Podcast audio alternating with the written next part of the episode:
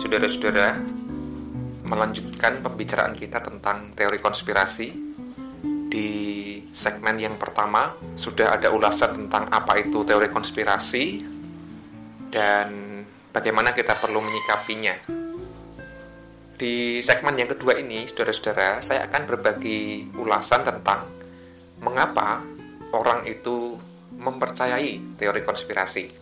Uh, sekali lagi, saya tidak berfokus pada soal benar salah, melainkan soal bagaimana kita memahami situasi ini sehingga kita bisa saling memahami uh, mengapa ada orang yang percaya, mengapa ada orang yang tidak percaya. Baik yang percaya maupun tidak percaya, kiranya saling menghargai saja. Namun, mengapa kemudian hal ini perlu diulas?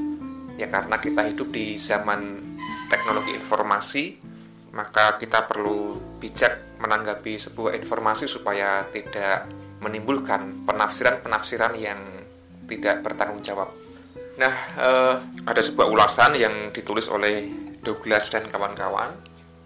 Ada tiga alasan mengapa orang itu percaya pada teori konspirasi. Alasan yang pertama adalah faktor epistemik. Nah, ini memang istilah-istilah ilmiah, namun penjelasan sederhananya begini.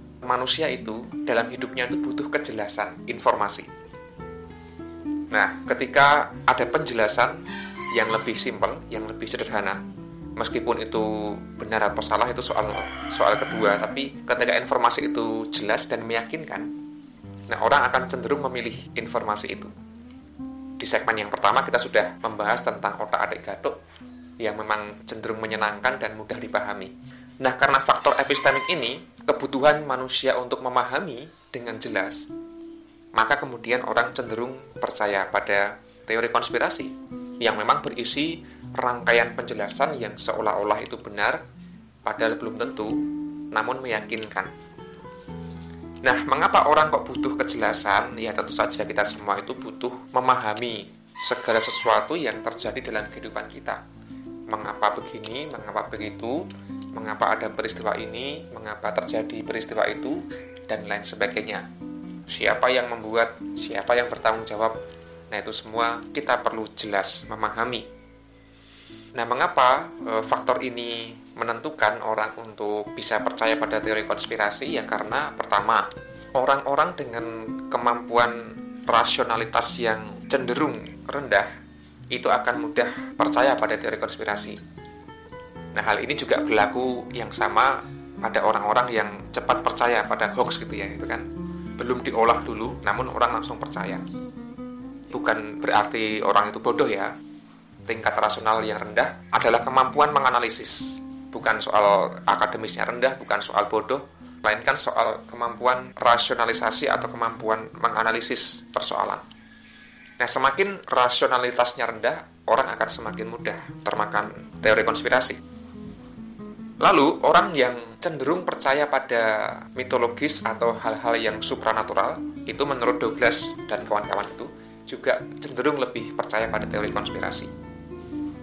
Lalu, yang ketiga, orang yang sedang berada dalam situasi yang tidak pasti, orang yang sedang panik, orang yang sedang terjebak dalam ketidakpastian, nah itu akan semakin mudah percaya pada teori konspirasi.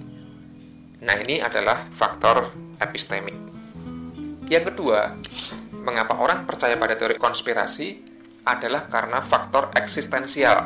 Kalau tadi yang pertama faktor epistemik, butuh memahami. Kali ini yang kedua faktor eksistensial, butuh rasa aman. Butuh keberadaannya itu terjamin. Nah, teori konspirasi itu memang menawarkan rasa aman karena dia merangkai-rangkai logika kemudian ingin mengatakan bahwa oke okay, kita sedang berada di situasi ini Nah, orang ketika sudah bisa memahami itu, nah dia akan merasa lebih aman, lebih ayam, dan lebih bisa mengendalikan sekitarnya. Gitu ya.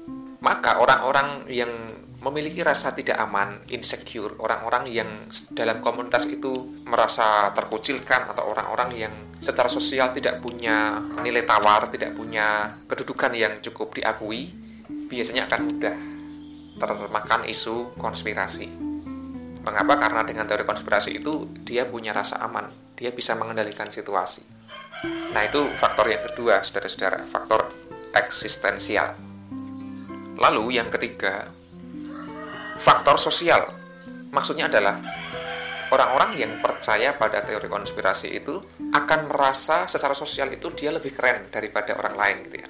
Wah, wah ini aku lebih tahu nih situasi ini tuh janjaning ini tidak seperti yang orang-orang pikirkan. Nah, mereka itu orang-orang yang dibohongi, mereka itu orang-orang yang apa, dikendalikan oleh kekuatan-kekuatan global misalnya. Nah, jadi orang-orang yang percaya pada teori konspirasi itu ada perasaan in group out group. Orang-orang yang di kelompok yang percaya ini in group di dalam kelompok, di dalam grup. Nah, itu mereka merasa lebih keren daripada orang-orang yang di luar yang tidak percaya pada teori konspirasi. Nah, ini menjelaskan saudara-saudara mengapa dulu banyak aliran-aliran religiusitas yang katakanlah di mata banyak orang itu aneh gitu ya ada Lia Eden, ada Ratu Agung Sejagat, ada Sunda Empire, ada macam-macam kerajaan yang itu ya muncul. Nah itu kan aneh, tapi bagi mereka ya mereka lah yang keren. Kita yang nggak percaya, kita lah yang nggak keren kan. Nah itu faktor sosial. Karena apa? Ada kebutuhan ingin tampil beda. Ketika tampil beda, orang akan punya self esteem atau pengakuan diri yang tinggi.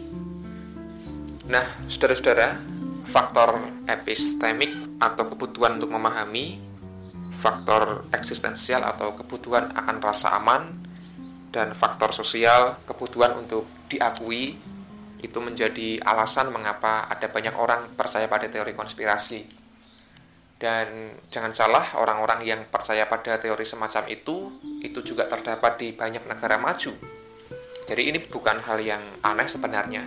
Sekali lagi, bukan soal mana yang lebih benar, mana yang lebih salah, tetapi kita perlu belajar untuk melihat segala sesuatu, termasuk informasi-informasi itu dengan bijaksana, agar tidak mudah termakan oleh hoax atau berita-berita yang belum tentu benar, meskipun sekali lagi meyakinkan.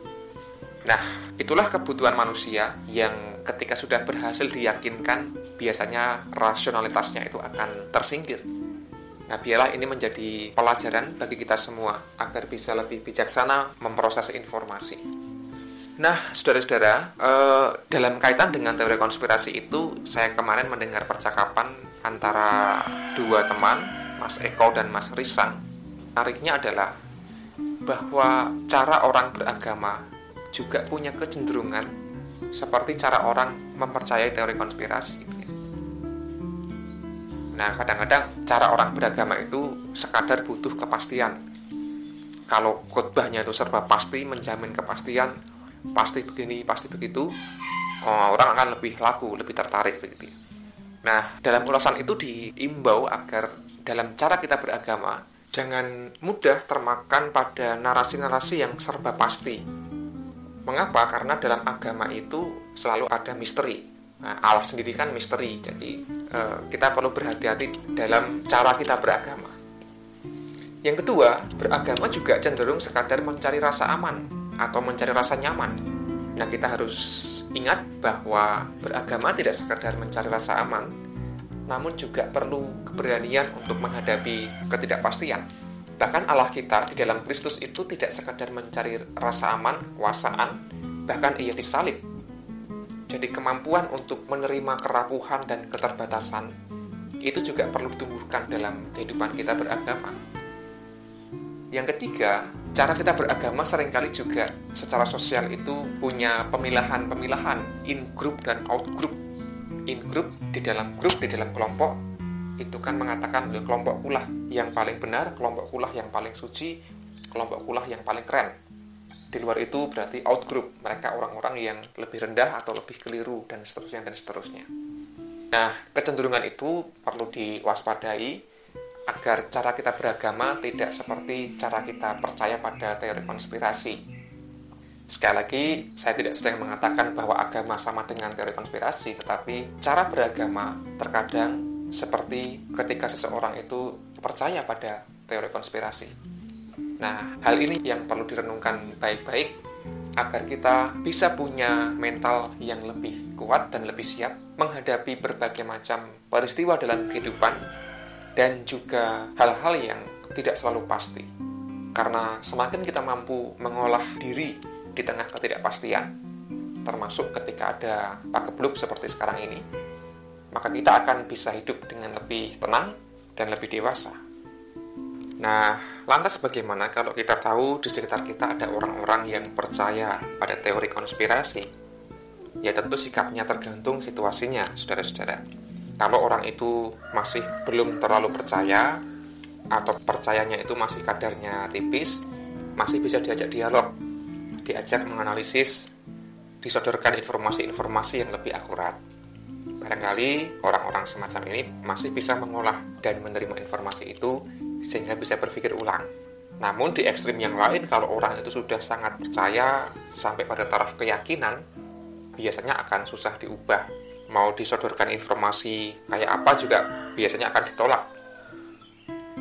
Karena apa ya sudah pada tahap yakin hanya dialah yang benar, informasinya lah yang paling akurat, dan informasi lain dianggap itu keliru Makanya bagi orang-orang yang sudah pada taraf semacam ini, ya kita tidak bisa mengubahnya, mengubah keyakinan. Namun yang bisa kita lakukan adalah memahami. Memahami orang-orang seperti ini bahwa mereka sedang dalam situasi yang tidak mudah. Situasi yang mungkin rumit, situasi yang mungkin traumatis, situasi yang mungkin serba tidak pasti, situasi yang mungkin butuh penerimaan dan butuh pengakuan sehingga ya kita maklumi saja. Gih makatan menika namung urun rebuk mboten kedah sarujuk matur nuwun kawigatosan poros derek mugi nambahi seserepan lan migunani tumrap kita sami. Matur nuwun